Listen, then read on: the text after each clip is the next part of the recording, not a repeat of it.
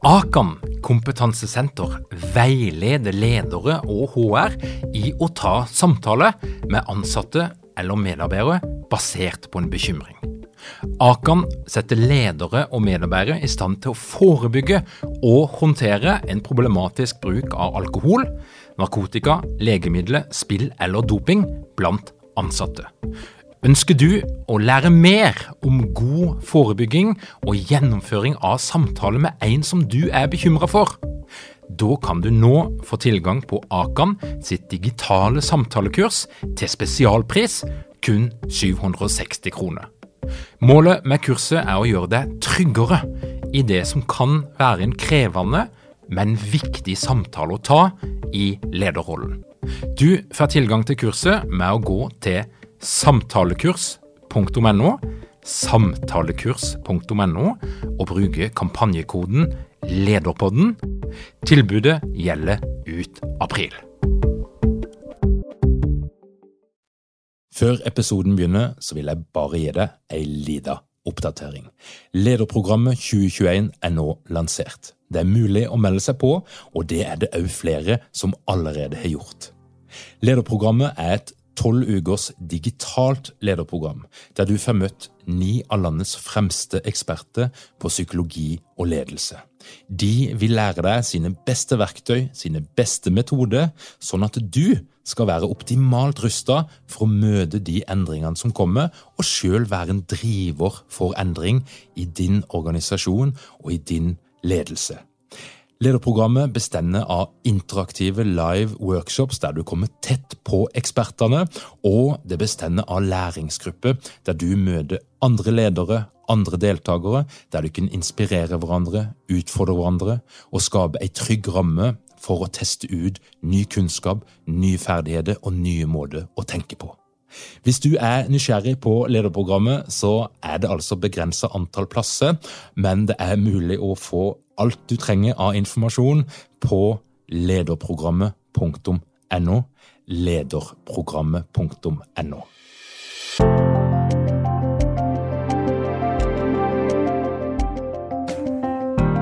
Velkommen til Lederpodden.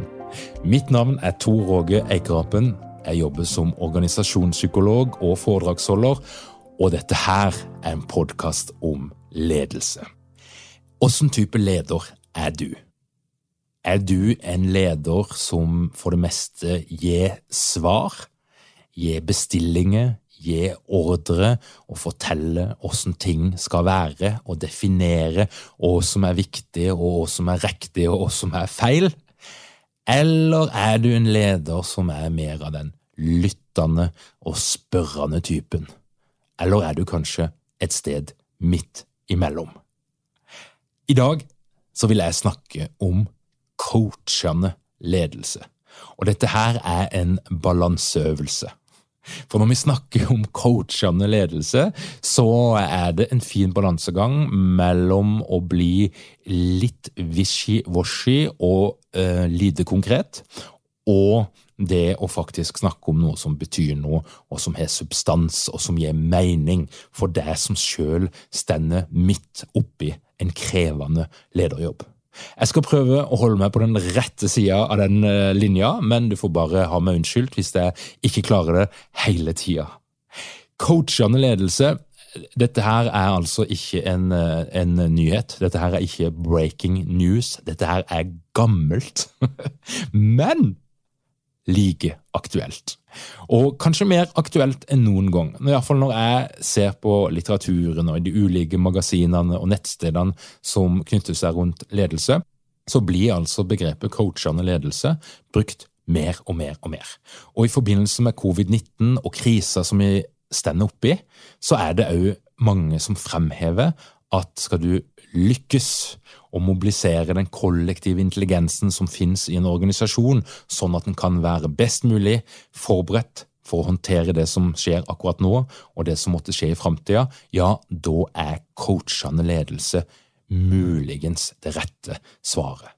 Men for å snakke litt gå litt sånn i dybden da, på, på, på hva, hva, er mekanismene som, som vi her snakker om.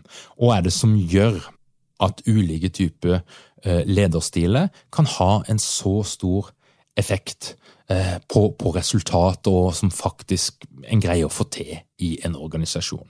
Og er det i det hele tatt sånn at et sett med ferdigheter, holdninger, kan ha en ekstremt stor påvirkning på en stor organisasjon? Vi må gå litt tilbake i tid. Eh, og Jeg kunne gått veldig langt tilbake i tid, men jeg velger å ikke gå lenger tilbake i tid enn til 1985. Da kommer altså Edvard Desi og Richard Ryan med ei bok som heter Intrinsic Motivation and Self-Determination in Human Behavior. Og den boka der, den eh, tror jeg nok ikke ble solgt i millionantall de første årene. Og jeg tror heller ikke teorien deres ble veldig godt kjent sånn utenfor de mer spesielt interesserte før en god del år senere. Men det som, eh, det som Edvard Desi og, og, og, Ryan skriver om og forsker på, det er jo hva er det som motiverer flinke mennesker. Hva slags motivasjonskrefter er det som får folk til å gjøre en god jobb, eh, til å ha gode liv, til å utvikle seg, til å være kreative? Og, og er det sånn at eh, ytre motivasjon, altså penger, bonussystemet, um, anerkjennelse for den saks skyld, er det de eneste drivkreftene for å skape motivasjon. Litt sånn forenkla. Men det de konkluderer med, i hvert fall, det er at um, mennesker som, som har det bra, og som gjør det bra i jobben sin, og som utvikler seg, og, og som har det vi kaller for menneskelig vekst, um, de kjennetegnes at de ofte har en stor grad av det som da heter indre motivasjon. Og det er altså da tre ting som driver den indre motivasjonen, og hvis du hører på Lederpodden, så har du hørt dette her noen ganger før, men nå kommer det altså igjen. Og de tre tingene, det er mestring, opplevelsen av at jeg klarer noe i dag som jeg ikke klarte i går. Men opplevelsen av at jeg mestrer, jeg behersker, eh, selv om jeg, kjenner at det er spennende og at jeg blir utfordra, så mestrer jeg altså det som skjer. Så mestring det er en driver for den indre motivasjonen. Den andre faktoren som vi vet driver indre motivasjon, det er selvbestemmelse eller autonomi. Opplevelsen av å få velge sjøl, opplevelsen av å få påvirke, opplevelsen av å være en aktiv del av mitt eget liv og arbeidsliv, og en opplevelse av at jeg får brukt mine kunnskaper, mine erfaringer, det jeg kan, og at jeg blir sett på som en kompetent person. Det er egentlig det som ligger i autonomien. Og det motsatte av autonomi, det er jo da detaljkontroll, byråkrati, og en opplevelse av eh, unødvendig mye kontrollsystemet og avsjekninger og eh, det som kalles for altså, command and control-type ledelse, eller micromanagement, som altså er ganske godt bevist at skaper veldig liten grad av denne indre motivasjonen. Den tredje faktoren som en vet driver den indre motivasjonen, det er følelsen av tilhørighet eller opplevelsen av å være en del av noe som er større enn seg sjøl. Og en kar som kom litt senere, i 2009, en journalist som, som da foredla denne psykologiske kunnskapen og gjorde det kanskje litt mindre akademisk og litt mer tilgjengelig, det var Daniel Pink som skrev boka Drive – The Surprising Truth About What Motivators. Og det er ofte sånn med de her bøkene at det stender 'surprising'. Det er mange overraskelser. Men, men han bruker da begrepet Istedenfor å snakke om, om tilhørighet, så, så, bruker han begrepet mening eller purpose. Det er det som han oversetter det med. Og Hvis du kunne hørt purpose bli brukt veldig mye i det siste, så er det altså der det kom ifra, sånn eh, langt tilbake. Eh, og, og, og det kan jo bli litt floskelaktig av og til, den her overdrevne bruken av purpose. Men, men hvis vi går tilbake til røttene, så handler det altså om tilhørighet, opplevelsen av å være en del av noe som er større enn seg sjøl. Og det kan jo da være det å oppleve at det, det å jobbe i denne virksomheten, det, det gir meg en følelse av at jeg bidrar inn i samfunnet, for eksempel. Altså, vi har en rolle å spille i samfunnet. Hvis vi ser på den herre litt sånn overordna følelsen av tilhørighet. Men på et litt mindre plan så kan det òg gi en opplevelse av, som handler mer om å være en del av et sosialt fellesskap, eller en del av en kultur, en del av en gjeng, en del av en flokk.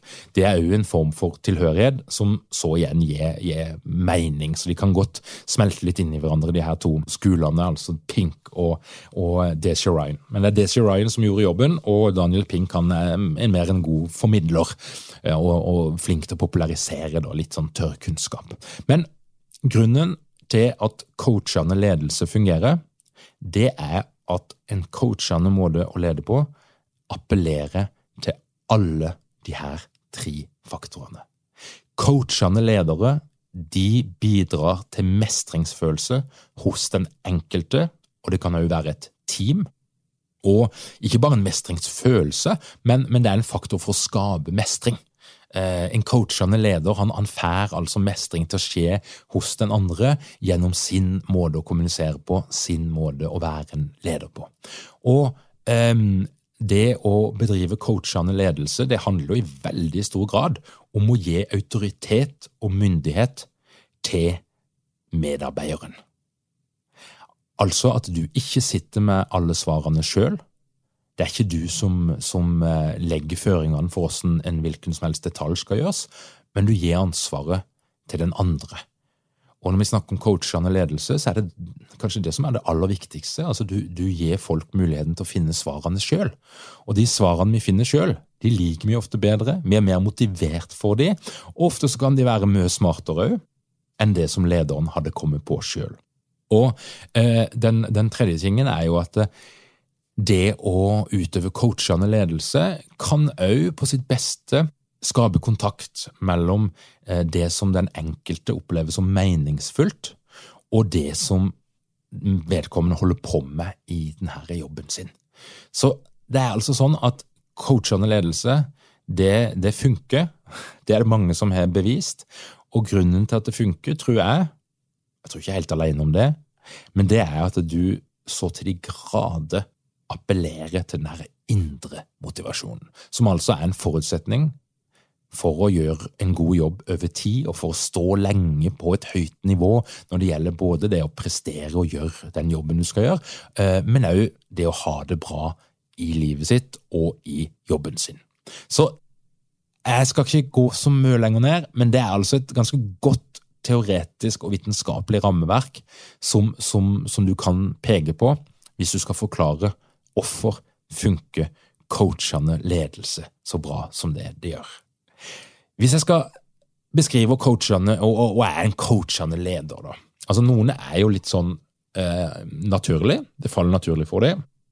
Andre trener seg og gjenger gjennom en ganske stor grad av personlig utvikling for å komme ut på den andre sida som en coachende leder. Men hvis du er mer sånn tilfeldig leder, der du, eh, ja, du, du, du, handler litt på instinkt og intuisjon og gamle vaner, så tror jeg det er vanskelig å få til en ordentlig god coachende lederstil. Så jeg tror at skal du bli en god coachende leder, så må du ha i fall en eller annen form for trening og forståelse for hvorfor det funker, og jeg tror òg eh, det krever en god del avlæring. For, for veldig mange ledere de tilegner seg noen uvaner med de beste intensjonene, men det blir bare sånn. Kanskje er det noen modeller, altså noen andre ledere de kikker på, eller hva det nå kan være. Men, men eh, det å bli en coachende leder, det handler nok minst like mye om å avlære som å lære noe nytt. Begge deler må til. Hvis vi tenker på den ene sida liksom, av en skala, så kan du ha eh, ledere som typisk gir svar. Og dette her har jeg vært borti sjøl. Jeg har vært en leder som har gitt svar på alt mulig rart. Små detaljer. Eh, svarte på en vel, hvilken som helst telefon, en hvilken som helst henvendelse.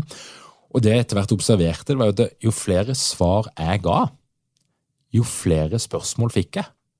Altså Jo flere henvendelser fikk jeg, og etter hvert så ble det jo nesten utholdelig, fordi at telefonen ringte hele tida. Fordi at for hver gang jeg ga et svar på en liten ting som jeg egentlig visste at vedkommende kunne finne ut av sjøl.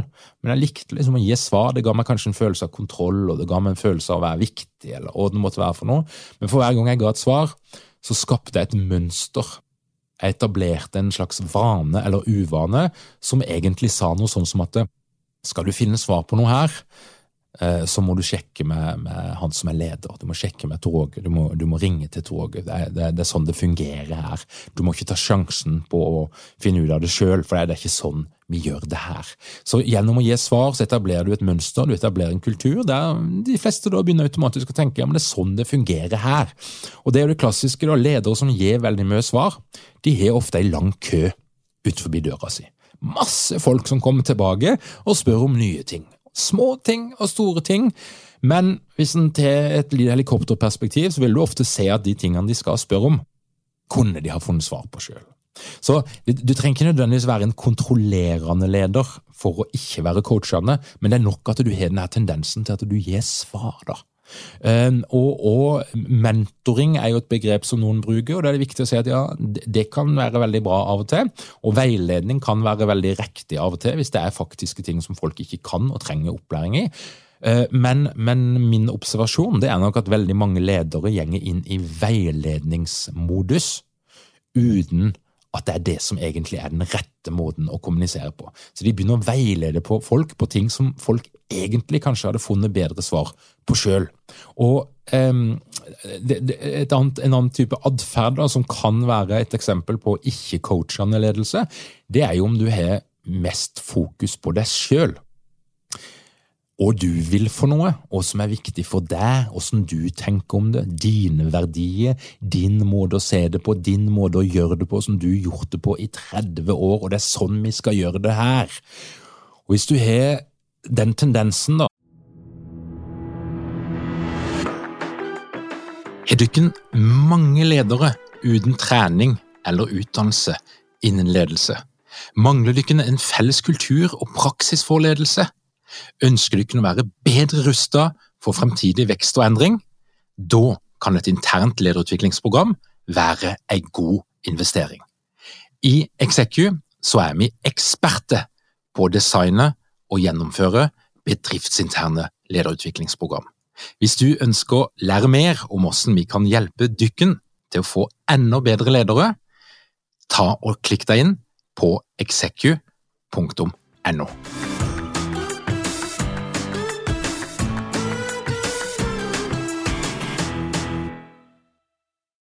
at du gir svar til folk eller instruksjoner, og du er mest fokusert på deg sjøl og du har lært og du kan og den måten som du liker å gjøre ting på, så kan du iallfall være trygg på at du fortjener merkelappen en ikke coachende leder, men en instruerende leder. Og eh, veien fra å være en instruerende leder til å bli en coachende leder, den trenger ikke nødvendigvis være veldig lang, men han kan være litt vond. For du må se deg sjøl litt i speilet, du må ta et lite oppgjør med dine egne vaner, dine egne holdninger, dine egne måter å tenke på, og for å gå, gå inn og bli en, en coachende leder. Men en coachende leder, den lederen har noen verdier, den har noen holdninger, eh, og den lederen har en type atferd som er lett synlig. Og Jeg tror nok det er mulig for en leder å være en coachende leder i en organisasjon som ikke har noe forhold til det begrepet, men jeg tror òg at det er mye lettere å være en coachende leder i en organisasjon som har tatt et valg om at det er den formen for ledelse vi ønsker å dyrke her. Det er altså noe mer kollektivt, noe mer kulturelt. Det er det vi skal bedrive her. Og en coachende leder, det er altså en leder som stiller mye gode spørsmål som eh, følger opp medarbeiderne sine ganske tett. Og Da sier det seg selv at hvis du er toppleder i et kjempesvært konsern, så er det ikke sikkert du kan være like coachende, men, men lenger nede i, i, i, lavere nivået så er det kanskje lettere å utøve dette her i, i praksis. Men, men en, en, leder som, en coachende leder, den, den lytter og den følger folk opp individuelt, eh, eh, og utfordrer folk. Eh, og hva skal til? For at du skal oppnå det? Hva tenker du er den beste løsninga? Det er jo et menneskesyn som ligger bak her, som handler om at du ser på din rolle som leder. Ja, du skal ta beslutninger, og, og, og du, skal, du, skal, gjøre vurderinger, og du skal sette rammer, du skal sette retning og du skal sette krav, men den viktigste jobben din som coachende leder, det er at du skal få andre til å vokse. Du skal få andre til å bli den beste utgaven av seg sjøl.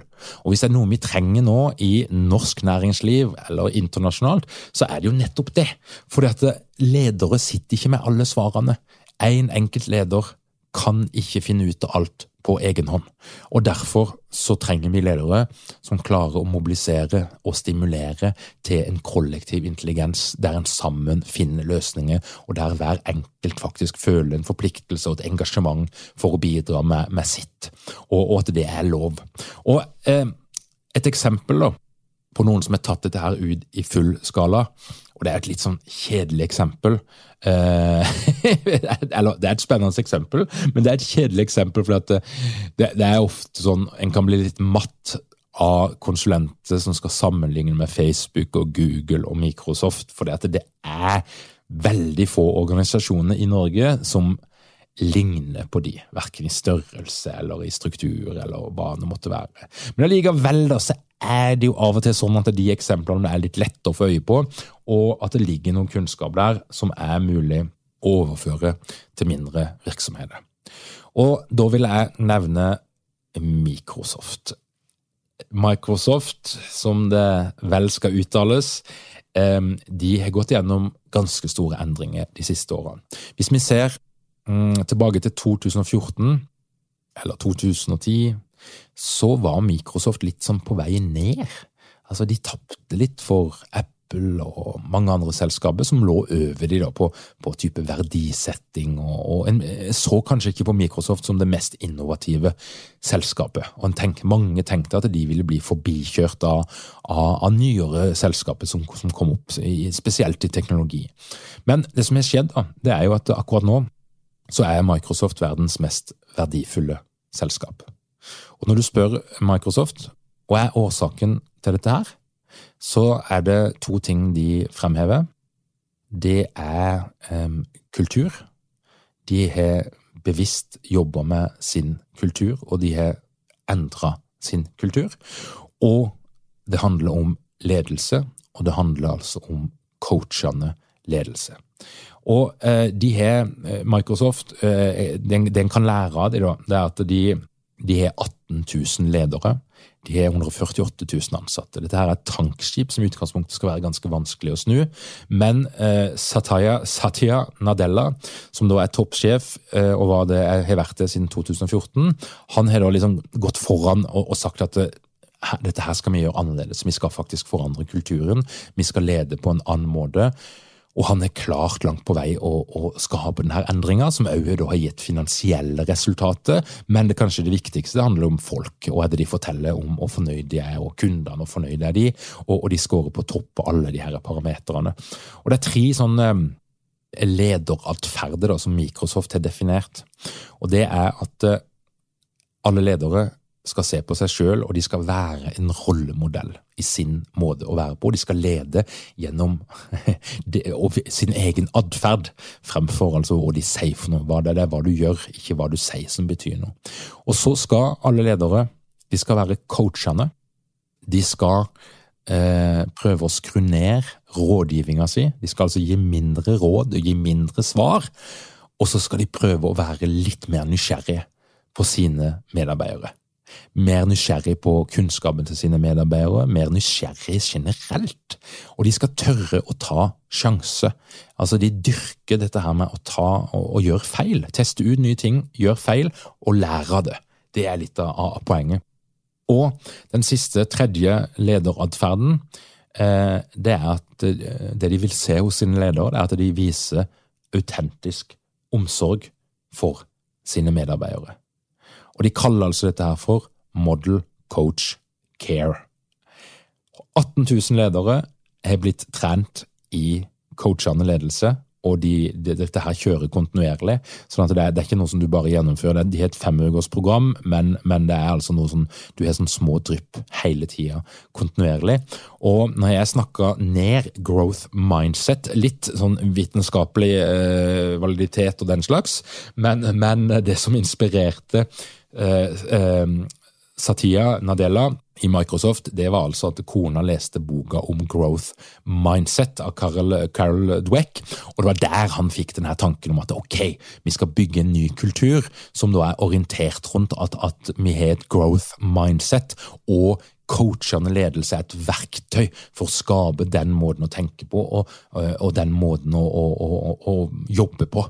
Og, og, Hovedpoenget er altså at en, en ønsker en organisasjon der, der en ser etter utfordringer eh, heller enn å snakke om hindringer. Og De, de, har, da eh, operasjonalisert det ned til noe veldig konkret. Så for eksempel, Et sånt eksempel som blitt brukt en del, kanskje du har sett det, det er jo at de er veldig opptatt av at de skal kommunisere historie rundt ansatte og ledere som, som leve opp til de her verdiene som de ønsker at det skal prege Microsoft. Og Utenfor en del møterom så henger det et sånn plakat, en fysisk plakat. Um, og, og, Der uh, ber de da folk liksom gjøre en vurdering om er dette her et, et fixed mindset-møte, eller er det et growth mindset-møte. Og hvis, hvis det er et fixed mindset-møte, så skal du da eh, se på eh, feil som, som, på en måte noe som bare er destruktivt. Du skal gi opp veldig fort, og du skal ignorere nyttig negative tilbakemeldinger. Du skal ignorere nyttige negative tilbakemeldinger, og du skal føle deg trua av andres suksess, og du skal unngå utfordringer. Så da kan du gå den veien. Hvis du vil gå den andre veien, som er den grønne veien, så handler det altså om læring. Det handler om å, å stå fast, selv om, om, om du får et tilbakeslag, selv om ting gjenger deg imot, så, så, så gir du ikke opp. Og at du ser det å gjøre feil, det å gjøre dumme ting, det at ting gjenger galt, er en del av den veien du må gå for å bli ordentlig god til noe og få noe til. Og en, en, annen faktor som de da mener at det skal prege et sånn type møte, det er at du lærer noe av kritikk. At negativ feedback, der finnes det kanskje noe informasjon som du kan bruke til å lære et eller annet, til å gjøre noe bedre, til å, å bli bedre på noe. Og de mener at eh, det å eh, se etter læring i andres suksess. Det er altså å unne andres suksess, men la deg sjøl inspirere og lære andres suksess. Det er òg noe som da kjennetegner den type møtekultur som de ønsker å ha. Den formen for atferd, samhandling, samspill. Og de ønsker at utfordringer det er noe vi skal dyrke. Vi skal liksom tørre å ta utfordringer, tørre å ta sjanser. Og historien som da fortelles om Microsoft, det er sikkert mulig å finner noen feil i denne historien, men historien som fortelles, det er jo da at siden 2014 så har de utvikla en kultur som er basert på, på de her prinsippene. Da har de fått en, en coachende lederkultur.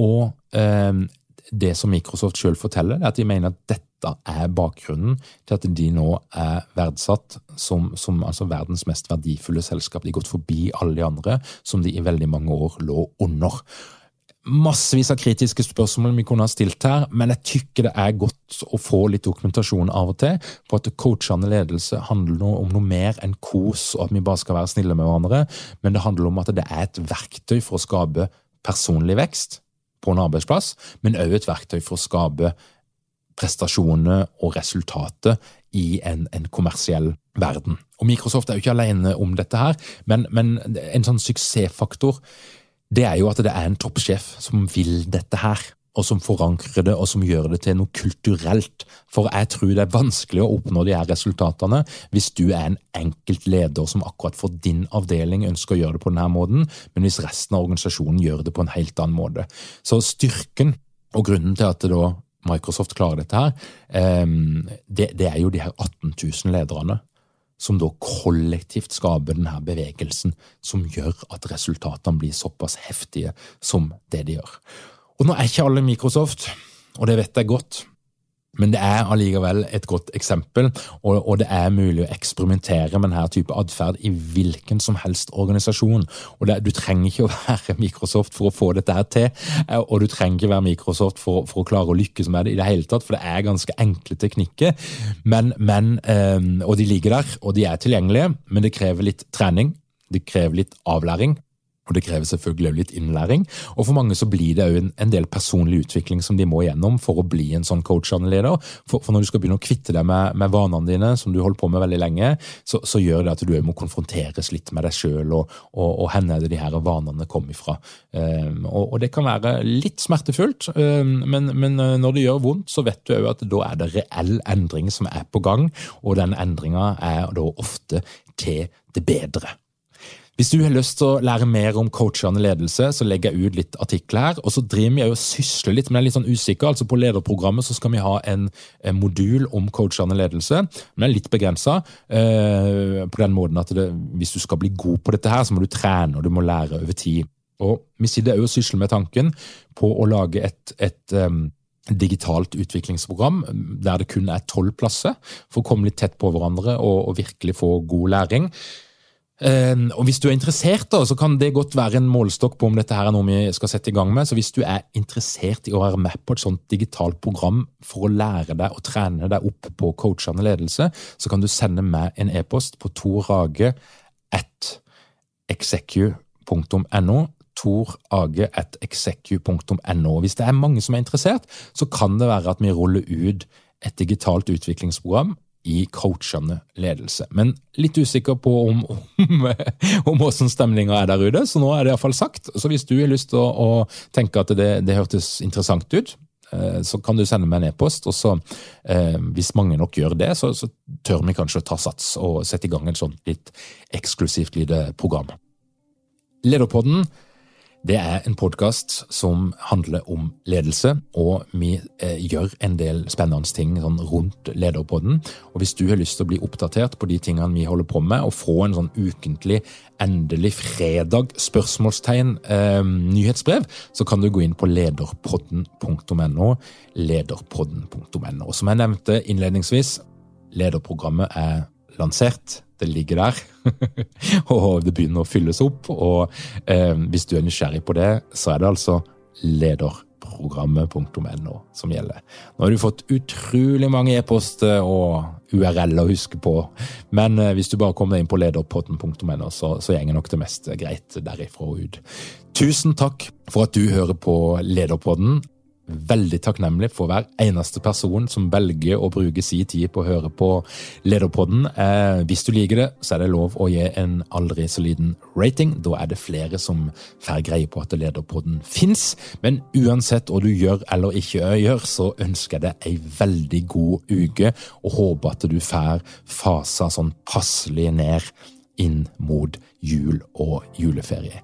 Lederpodden til ikke-juleferie. Vi kommer til å levere hver eneste uke, og det er altså fredagen som er vår dag. Så eh, hvis du frykter ei jul uten Lederpodden, så slapp av.